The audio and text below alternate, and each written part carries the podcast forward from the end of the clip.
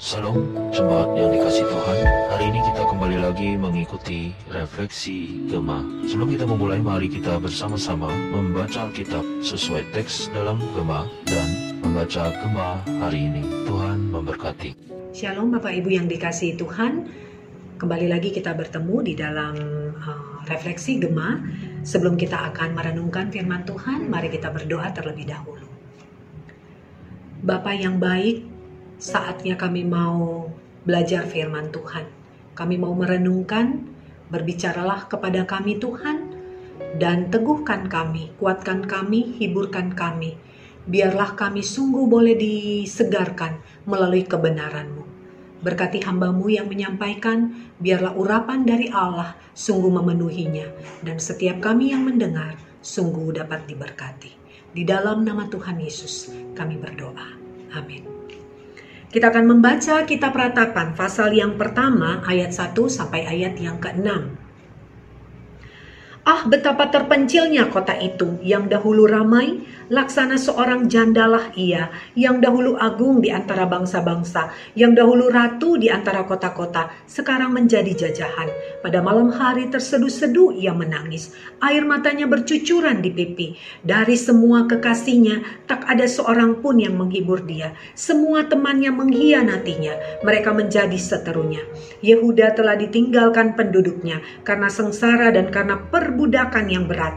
Ia tinggal di tengah-tengah bangsa-bangsa namun tidak mendapat ketentraman. Siapa saja yang menyerang dapat memasukinya pada saat ia terdesak.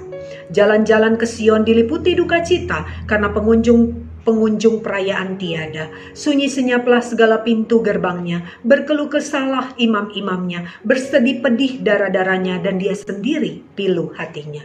Lawan-lawan menguasainya, seteru-seterunya berbahagia. Sungguh Tuhan membuatnya merana karena banyak pelanggarannya. Kanak-kanaknya berjalan di depan lawan sebagai tawanan.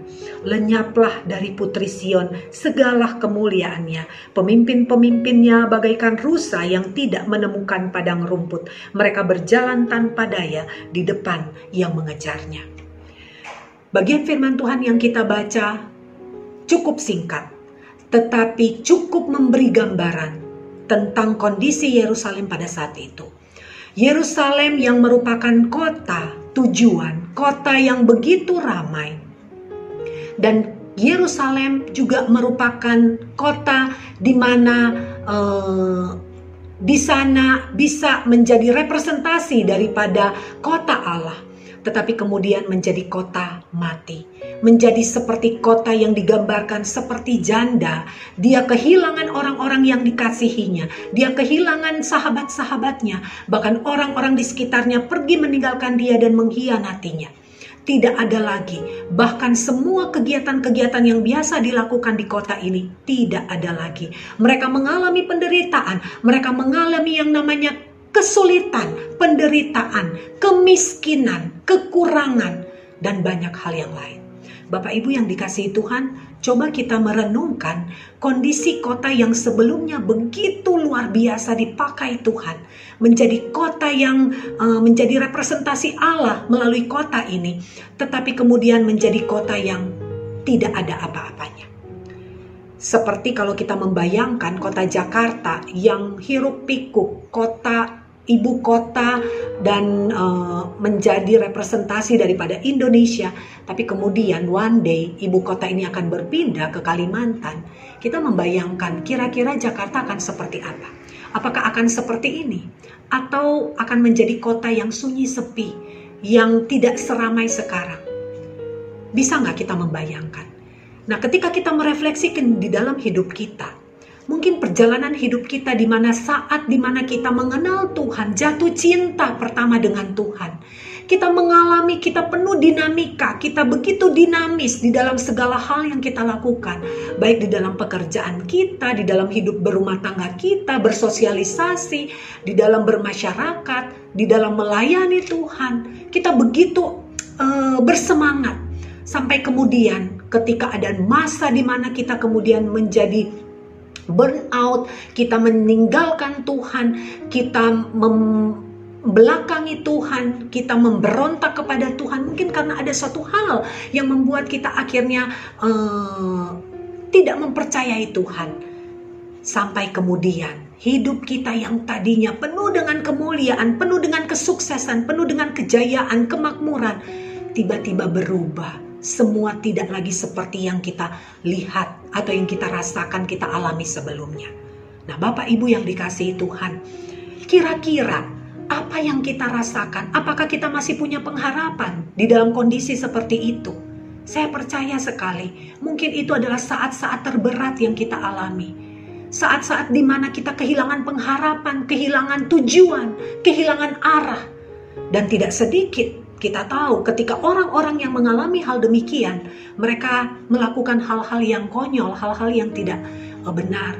Tapi Bapak Ibu melalui perenungan ini saya mau katakan bahwa melalui surat ini, melalui kitab uh, ratapan ini yang ditulis oleh Nabi Yeremia ini mau memberikan gambaran atau seperti menjadi uh, cermin bagi setiap kita bahwa ada satu masa di mana Yerusalem membelakangi Allah tetapi kemudian mereka dibawa untuk kemudian mereka bertobat. Demikian ketika kita coba untuk meninggalkan Tuhan mengambil jalan menurut jalan kita sendiri ada saat di mana Tuhan membawa kita. Ingat Bapak Ibu, penderitaan adalah kendaraan yang dipakai oleh Allah untuk kita mencapai kepada tujuan, yaitu kehendaknya. Ingat, penderitaan, pergumulan yang kita alami merupakan kendaraan yang dipakai Allah untuk membawa kita kepada tujuan, yaitu kehendaknya. Jadi, kalau saat ini kita sedang mengalami pergumulan, penderitaan, jangan bersungut-sungut, jangan menyalahkan Tuhan, Mungkin ini adalah saat di mana Tuhan sedang menegur kita, sedang membawakan kembali untuk kita kembali kepada apa yang Tuhan sesuai dengan panggilan kita yang Tuhan tetapkan untuk membawa kita kembali kepada tujuannya. Mari kita mau berdiam diri sejenak, merefleksikan diri kita. Apakah keadaan kita yang sunyi sepi, penuh dengan pergumulan, seperti tidak ada pengharapan? Apakah kita betul-betul sedang ada di masa-masa di mana Tuhan sedang menggembleng, membentuk kita.